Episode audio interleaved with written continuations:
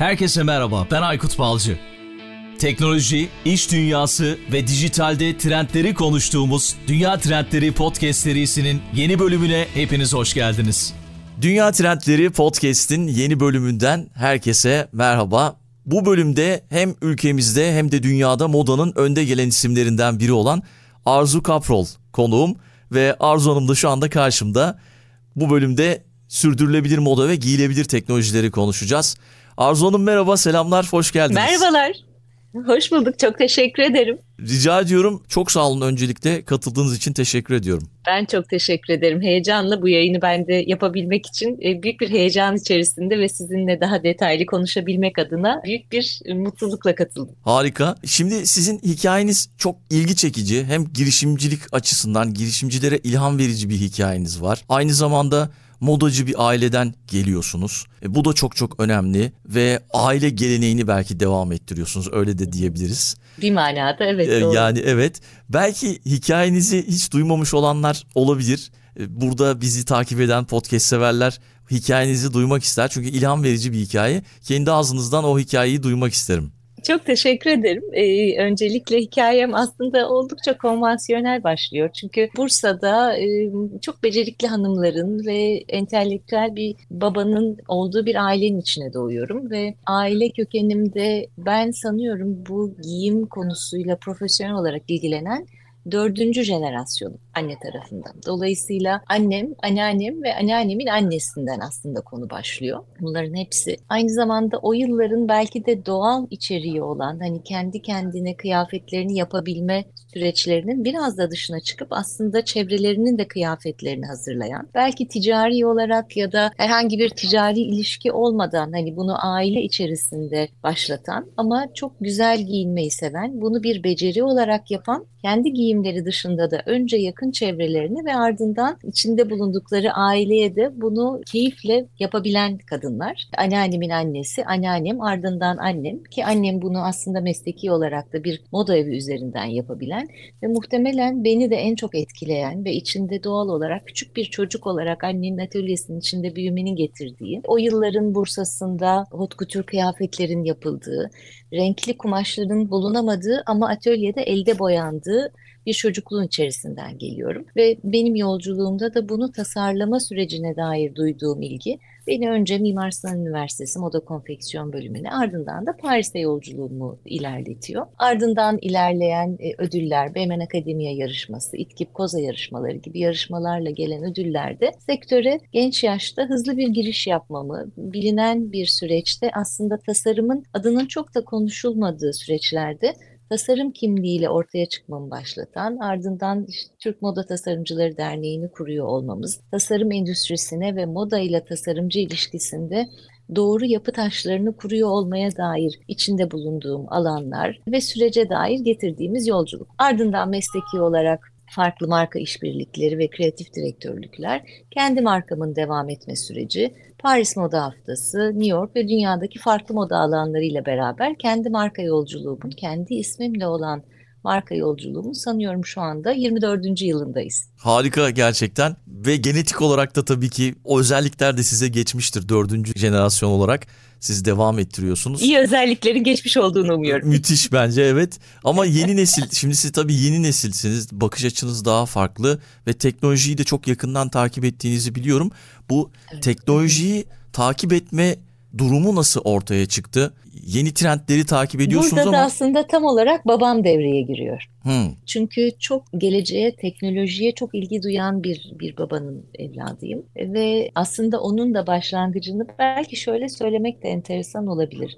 Babamın yaşamda e, üç konuya dair büyük bir ilgisi vardı. Sibernetik, şu an kuantum diyeceğimiz belki.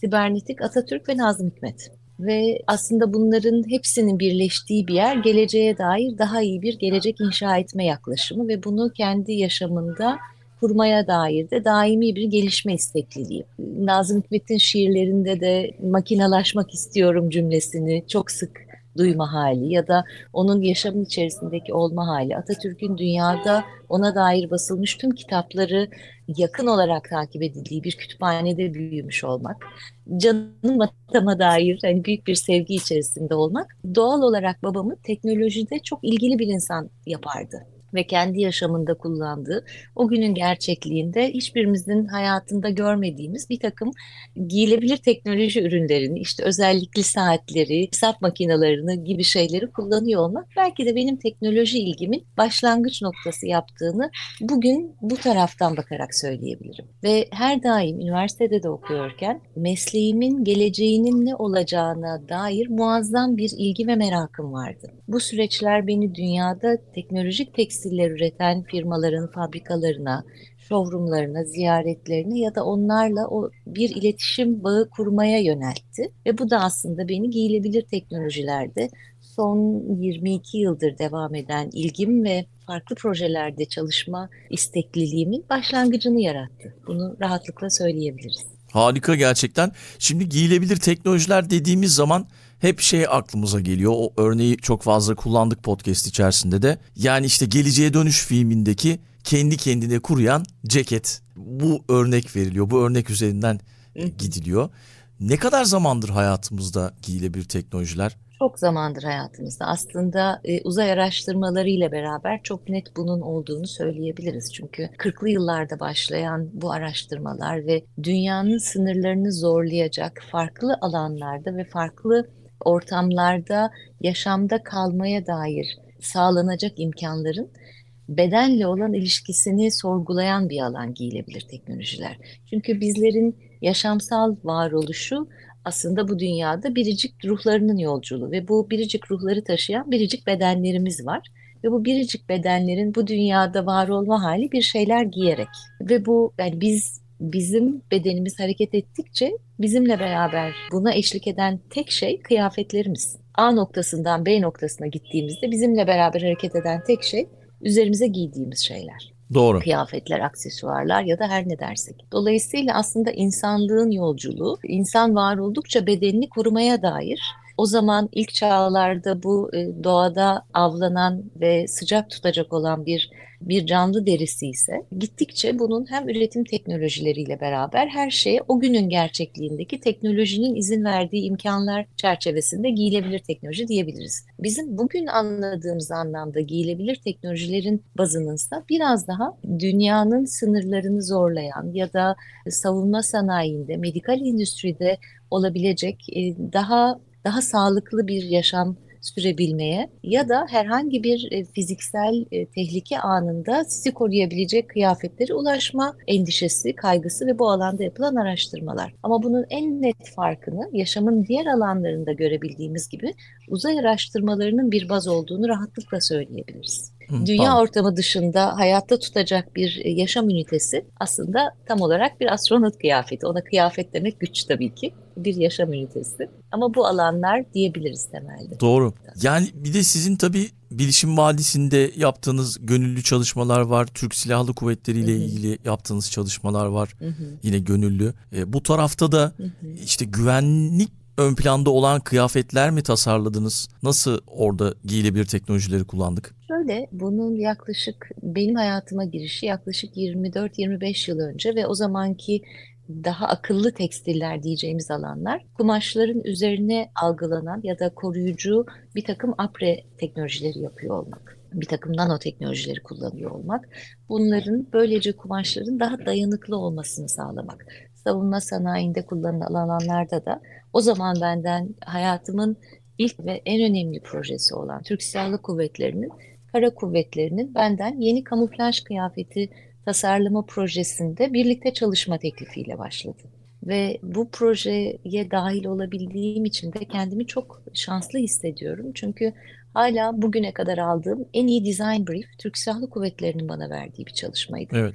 Aynen dediğiniz gibi tamamen gönüllü olarak direkt ve endirekt hiçbir ticari, maddi bir beklenti içine girmeden o proje içerisinde yaklaşık 9 ay Türk Silahlı Kuvvetleri ekipleriyle beraber çalıştığımızda aslında Türk tekstil endüstrisinde bunların üretilmesine dair altyapıların oluşturulması, o zamanın gerçekliğinde dünyada üretilen teknolojilerin Türkiye'de Türk Silahlı Kuvvetleri'ne hizmet verebilecek şekilde bunun entegrasyonunda kimlerle nelerin üretilebileceğine bakmak ve bunları tasarım olarak da bir ürüne dönüştürme süreci. O zamanki parametreler ve ihtiyaç şuydu. Aslında artık Türk ordusunun yıllar önce ve yıllardır kullanmakta olduğu kamuflaj kıyafetinin değişen ve çölleşen Türkiye coğrafyasında daha fazla kamufle etmediği, dolayısıyla doğru ve yeni bir kamuflaj deseninin oluşturulması, sonra bu desenin oluşturulduktan sonra hangi kesim ve tasarım teknikleriyle, üç boyutlu tasarım teknikleriyle en doğru fiziksel performansa ulaşması ve o kullanım süresince de her daim doğru bir fonksiyonda kalabilmesine dair kendini geri toplama sistemleri. En basit anlatma haliyle e, kolunuzu hareket ettirdiğinizde içinden açılan körüğün sistem olarak içine geri girebilmesi. Bunları aslında modayla, modayı kıyafetle moda penceresinden baktığınızda belki de çok önemsemediğimiz detayların gerisinde çok önemli teknik çözümlemelerin aslında bir endüstri ürünü tasarımı olduğunu bilmek ve oradaki konforun yani bir kıyafeti giydiğinizde hele ki üniforma gibi bir kıyafet giyiyorsanız her gün aynı kıyafeti giyme zorunluluğunuz olan alanlarda buradaki konforunuz, rahatlılığı ve ürün ömrünün çok önemli olduğu alanlarda iyileştirmeler yapmaktı. Burada tabii tekstil inovasyonunda yeni bir dönem başlatmışsınız diyebiliriz. Öyle gördüm bunu. Bunun bir parçası olduğumu söyleyebiliriz. Evet, kesinlikle evet. bence de öyle. Peki bu akıllı tekstillerin özelliklerine baktığımda işte sağlık konusunda, çevreye uyumluluk konusunda, cihazlarla entegrasyon bu tip konularda sizin de çalışmalarınız olduğu yanılmıyorsam işte ortam sıcaklığına Hı-hı. göre renk değiştiren değil de havaya göre form değiştiren, form değiştiren şekil değiştiren, şekil değiştiren elbiseler tasarlamıştınız. Bu konudaki gelişmeler nasıl? 2024'te ya da sonrasında bizi neler bekliyor? Şu an geldiğimiz noktada kıyafetlerle ilişkimizi birçok farklı pencereden yeniden değerlendirmemiz ve sağlıklı bir ilişki kurmamız gerekiyor. Öncelikle giyilebilir teknolojiler tarafından baktığımızda şu anda sadece taşınabilen aksesuarlar dışında vücudun diğer noktalarından da data toplayabilen sensörlü kıyafetlerden bahsediyoruz. Ve bu sensörlerin çok uç noktalarından da bahsedebiliriz. Bütün yaşamsal verileri her noktadan takip edebilen ya da daha temel noktalarda ama burada alacağı sensör datasının anlamlı hale getirip sizinle iletişim kurabilen ve size bir takım yönlendirmeler, uyarılar yapabilen ya da daha uzak bir alandan bunun takibini, yaşamsal veri takibini yapabilen kıyafetlerden bahsediyoruz ve bunları bir yandan da geliştirmek üzerine çalışıyoruz. E, şu an örneğin Antarktika TÜBİTAK projesinde bu tarz bir çalışma hep birlikte de devam ediyor. Burada dediğiniz gibi işin hem sağlık ve medikal tarafı aynı zamanda da korunma tarafı var. Dolayısıyla bunların bir arada olduğu yani insan bedeni ve yaşamsal varoluşu iyileştirmeye dair elektronik tekstillerden faydalanabiliyoruz. E, kimyasal tekstillerden faydalanabiliyoruz. Biyolojik tekstiller diyebiliriz buna. E, ya da mekanik sistemlerden faydalanabiliyoruz. Ama üç alanda görebiliyoruz. Elektronik, biyolojik ve mekanik alanlar olarak üç çerçevede değerlendirebiliriz giyilip, giyilebilir teknolojileri. Artırılmış gerçeklik hakkında ne düşünüyorsunuz? Yakın zamanda bir metaverse yükselişi gördük. Bu bu sene tabii çok popüler değil artık. Hatta bittiği söyleniyor ama evet. belki zamanı değil. Çünkü çok fazla yapay zeka konuştuğumuz bir yıl oldu. Yapay üretken yapay zeka uygulamalarını artık sokak düzeyinde kullanır hale geldik. Giyilebilir cihazlar ve artırılmış gerçeklik arasında ne gibi yenilikler var? Siz nasıl bakıyorsunuz bu duruma? Belki bundan bahsedebiliriz. Ben gelişen her tür teknolojiyi büyük bir heyecanla inceliyorum ve bunları hem mesleki olarak yani tekstil ve giyim çerçevesinden hem de yaşamın diğer alanlarında nasıl uygulayabileceğimize dair de büyük bir merak içerisinde inceliyorum. Artırılmış gerçekliği yaşamlarımız içerisinde ve ekranlarımızda görüyor olmak, onunla kurduğumuz ilişkide hem eğitim alanında hem de kullanıcı alanında görüyor olmaktan heyecan duyuyorum. Bunu hem eğitim alanında büyük bir e, yaklaşım olarak, büyük bir inovasyon olarak kullanabilir durumdayız. Ama aynı zamanda da çok net haliyle dediğiniz gibi sokaktaki kişinin de yani bu konuda bir özel bir ilgisi e, olmasa bile kullanacağı, gireceği ortama dair ya da giyeceği kıyafete dair bunu deneyimleme imkanı sunması müthiş bir şey. Kreatif endüstrilerde de bu alanın içine girip orada bir şeyleri tasarlıyor olmak da muazzam heyecan verici. Dolayısıyla bunları günlük yaşamımızın içerisinde kullanmaktan büyük bir haz duyuyorum. Artırılmış gerçekliklerle ya da AI ile beraber şu anda kullandığımız pek çok tasarım alanı var. Pek çok farklı disiplin içerisinde de AI'yı kullanarak üretim süreçlerini hızlandırıyoruz. Ama burada çoğu zaman belki de çok defa konuşulduğu gibi çünkü daha dün akşam bile kreatif endüstrilerdeki dostlarımla AI üzerine uzun sohbetler yapıyoruz. Bazı arkadaşlarım ya bizim bunlarca yıldır aldığımız eğitim süreçlerinde AI gelip nasıl bütün o süreçleri bir anda hızlandırması ağrımıza giden diyen bir grup e, dostlarım var. Evet. Bir de o zaman da bizlerin görevleri aslında AI'ın nihai bir tasarım asla yapmadığı ve oradaki özlük hakları da hiçbir şekilde henüz netleşmediği için dolayısıyla sadece bir inspiration olarak kullanabileceğiniz ön araştırmayı sizin adınıza hızlandırmış bir e, bir tasarım asistanı gibi görebileceğiniz bir süreçte olması gerektiğini konuştuğumuzda e, herkes biraz daha rahatlıyor. O yüzden sadece bir ön araştırma gibi gördüğümüz yerde siz ondan aldığınız datayı e, ondan sonra dönüştüreceğiniz ürüne dair bir başlangıç noktası yapabildiğimiz yerdeyiz şu anda.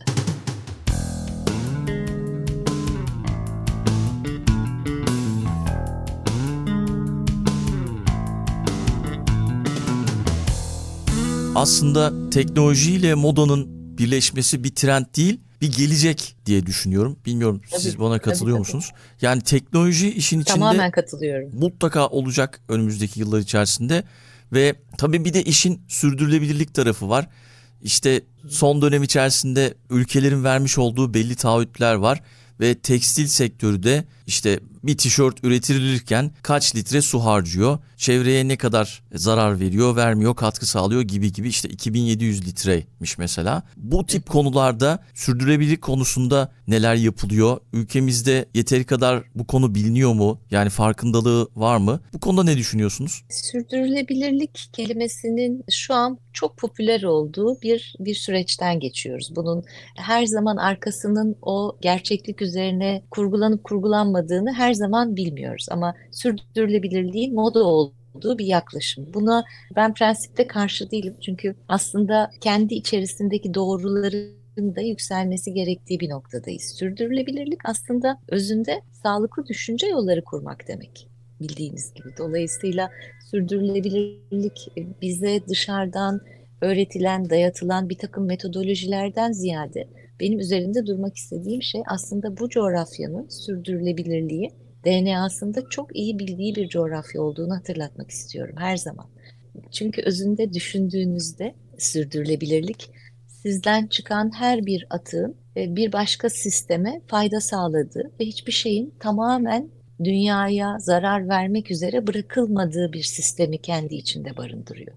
Ve bunun bizim için en gerçek örneği Anadolu'daki köy evlerinde çöp çıkmaz. O çok yani Doğru. çöp toplanmasına bile gerek yoktur. O kendi içinde döngüsel bir sistem içerisinde sisteme dahil olur. Bizim bunu yeniden hatırlamamız gerektiğini düşünüyorum.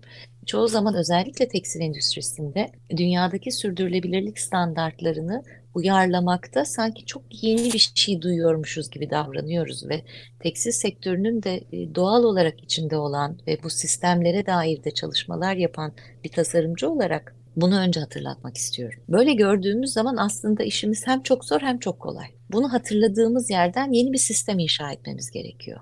Ve global tekstil endüstrisi bu var olan sistemleri, tekstilleri, giysileri üretirken dünyaya muazzam bir gerçekten zarar veriyor. Ve yine hatırlamamız gereken bir şey var ki hiçbirimizin bu kadar çok sayıda niteliksiz kıyafete ihtiyacı yok. O yüzden kıyafetlerle de yeni ve sağlıklı bir ilişki kurmamız gerekiyor. Kıyafet ihtiyacı dediğimiz şeyle kıyafetin üretim sistemini ve o sistemin tamamen yeniden döngüsel olarak tasarlandığı bir üretim sistemini, zincirini hayata geçirmemiz gerekiyor. Türk tekstil endüstrisi bu anlamda çok şanslı ve çok da becerikli. Çünkü hala kendi ham maddesini üretebilen bir coğrafyadayız. Bu muazzam bir özellik ve bunu dünyadaki dostlarla konuştuğumuz, yani bize bu çok doğal geliyor. Türkiye'nin pamuğunun, Türkiye'nin e, yününün, Türkiye'nin ipeğinin oluyor olması bizim için ne büyük bir konfor ama bu dünyadaki pek birçok ülke için çok gerçekçi bir konu değil.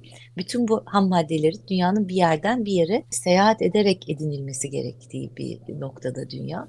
Dolayısıyla biz elimizdeki öz kaynakları çok doğru bir bütünsel tasarım sistemiyle %100 hem kendine yetebilen hem de bunu doğru şekilde üretebilen sistemler kurma aşamasındayız. Birçok yerde kuruldu ama sistemin genelinde de Türkiye çok büyük bir tekstil tedarik ülkesi olduğu için bunun da kurulma süreçleri devam ediyor.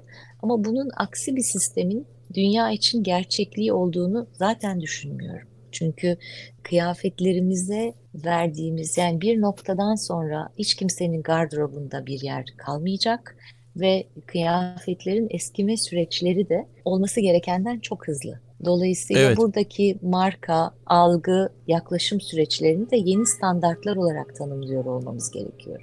Şu anda e, daha hızlı tüketici markalarda, buradaki tüketici kelimesini biraz daha konuşmak üzere kenara şimdilik bırakıyorum. Genel üretim standardı 5 kullanım standardı üzerine kurulu, 5 yıkama üzerine kurulu. Bu şu demek anlamına geliyor. Yani siz giydiğiniz bir tişörtü, bir gömleği, bir pantolonu üretim standardı onun 5 kereye kadar dayanması üzerine ve 5'ten sonra yavaş yavaş artık yıpranmasının, dikişlerini atması, kumaşının yıpranması üzerine kurulu. O zaman ona verdiğiniz bedel aslında gerçek bedelin çok üzerinde.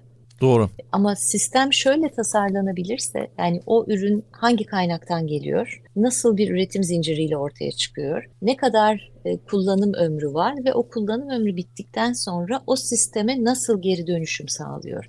Bu zinciri artık şeffaf olarak bilmek, görmek, duymak ve zincirin bütününe dair de bir bir bilgi sahibi olmak istiyoruz ve bunu talep etmemiz gerekiyor. E, üretim sistemlerinde bunu şeffaflığıyla dile getirmesi gerektiğine inanıyorum. Bir manada gıda sistemlerinde olduğu gibi belki de. Ürün ömrünün üzerinde daha rahat konuşulabiliyor olmasını çok önemsiyorum. Ya o ben... yüzden bizlerin yapması gereken bu tasarım süreçlerini o şeffaflıkla yönet edebilmek. Ben de çok katılıyorum. Mesela 90'lı yıllarda ben bir tişört aldığımda veya bir kazak aldığımda veya bir pantolon aldığımda onu yıllarca kullanırdım. Ondan sonra onu benden daha küçük olan bir kardeşime ya da akrabama birisine verirdim. Ve döngüsel ekonomi dediğimiz yani o kendi içimizde döngüsel ekonomi yapardık tabii, tabii, yani. Tabii ki. Yani aileler, kuzenler bunlar için vardı. Sistem yani kes, döndürürdü kendi kendine. Kesinlikle öyle. Yani çok fazla kuzenimin ayakkabısını, işte tişörtünü, pantolonunu kullanmışlığım var. Sonuçta temiz, belli bir zaman giyilmiş ve o zamanki tişörtlere baktığım zaman şimdiki ikisinin arasını karşılaştırdığımda çok kısa sürede sizin dediğiniz gibi yıpranıyor ya da o kullanma süresi daha aza indirgenmiş durumda. Ama bu konuda bilinçli miyiz? Bence değiliz. Çok az bir kesim buna dikkat ediyor. İşte organik midir o ürün ya da nasıl üretilmiş buna dikkat eden çok az kişi Nerede var. Nerede üretilmiş? Nerede üretilmiş? Tabii. Hangi süreçlerden geçmiş? İşte o blockchain de işin içine girecek sanırım artık. Onunla Hı-hı. o süreçleri de gözlemleme, öğrenme şansını yakalayacağız. Takip ediyor olacağız. Takip ediyor tabii. olacağız. Yani biraz dediğiniz gibi kıyafetlerimizi azaltıp daha kaliteli mi denir, nasıl denir ona bilmiyorum. Daha nasıl üretildiğini e, gördüğümüz oradaki ürünler almak gerekiyor. Hem öyle hem de e, burada bilgi sahibi olmamız doğru. Yani sizin e, çok ekonomik bir ürün alma ihtiyacınız olabilir ama onu aldığınız zaman onun kullanım ömrünü bilip o kararı özgürce verme yani o bilgiyle beraber o kararı vermeyi daha daha anlamlı buluyorum.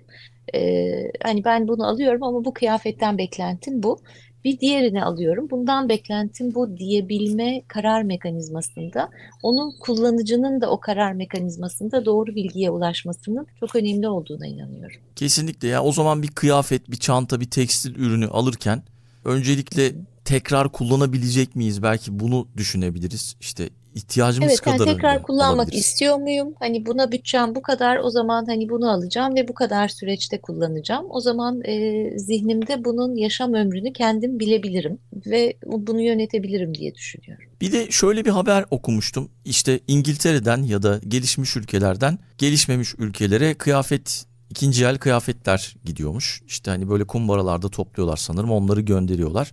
Oradaki bir girişimci de daha böyle markalı olan daha işte biraz daha yıpranmamış olan ürünleri alıp işte kolunu alıp işte gövdesini alıp veya diğer kolunu alıp farklı farklı 5 tane kazaktan e, bir tane kazak yapmaya başlamış. Böyle bir girişim görmüştüm. Bir, takip edebildiniz mi böyle bir şey? Yani bu da olabilir aslında mesela. E, ben de buna dair haberleri okuyorum ve en son hatta e, İngiltere'den bu kumbaralara koyulan bir kıyafetin en son Afrika'da üçüncü defa satıldığı haberi. Ha, evet. Yani bir Tamam oydu halinde herhalde haber. yapıldığını da görmüştüm. Dolayısıyla ve bunun hani tekrar ve tekrar satılmakta olduğunu da e, aynı şekilde anlat yani yazıyordu o haberde.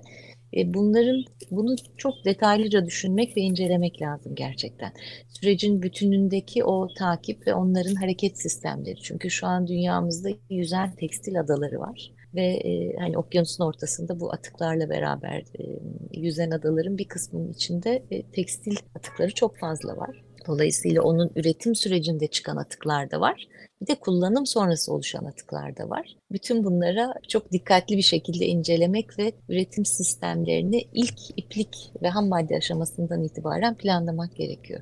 Yoksa kullanım ve bu upcycle'lar, tekrar yani ileri dönüşümler de çok güzel. Muhtemelen bizim ülkemizde yine olan bu aslında teknoloji bir taraftan ilerliyorken e, mahalle terzileri kategorisiyle belki retouch alanlarıyla, retouch mağazalarıyla beraber bunları customize ettiğimiz, daha anlamlı alanlar kurduğumuz ve de belki çocuklarımızda bunları yenilemenin, güncellemenin, basit dikiş tekniklerinin yeniden konuşulduğu bir süreçlere girmenin de zamanı geliyor olabilir. Kesinlikle öyle. Kısa sürede her şeyi konuştuk diye düşünüyorum ama belki son sözlerinizi alabilirim. Ondan sonra da sizden bir kitap önerisi isteyeceğim. Sonra da veda eder kapatırız. Evet evet evet tabii ki. Bence de birçok şeyi konuştuk bununla beraber tekstile dair, giydiklerimize dair ama şunu söylemeyi önemli buluyorum.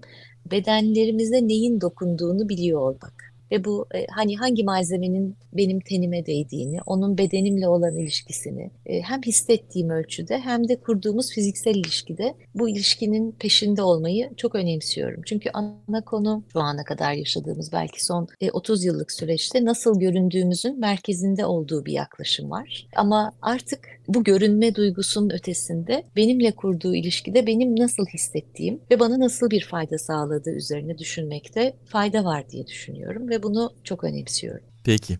Çok teşekkürler. Kitap önerisi ne önerirsiniz bize? Son dönemde okuduğunuz bir kitap var mı? Kitap önerisi e, şu an başucumdaki kitaplardan düşünelim. Ben de bazen böyle 3-5 kitabı beraber yürütüp o anki ilgiye göre hangisiyle e, daha çok ilgi kurduğumu ya da o an hangi sürecin içinden geçtiğime göre oradaki süreci yönettiğim üzerinden ilerleyebiliyoruz. Şu an en heyecanla okumakta olduğum kitap Azra Cohen'in Gör Beni. Tamam o zaman bunu da ekledik kütüphanemize. Çok teşekkür ediyorum Arzu Hanım konuk olduğunuz için. teşekkür Güzel ederim. bir bölüm oldu. Tekrar buluşmak üzere. Görüşmek dileğiyle. Ben de heyecanla sizi dinlemeye devam edeceğim. Çok teşekkür ederim. Bölümü kapatmadan önce Patreon destekçilerimiz Recep Topçu, Ahmet Uçar, Necdet Dikmen, Serdar Sungur ve Nilay Atalay'a çok teşekkürler. Eğer siz de Patreon üzerinden destek olmak isterseniz podcast'in açıklama kısmında Patreon linkimizi bulabilirsiniz.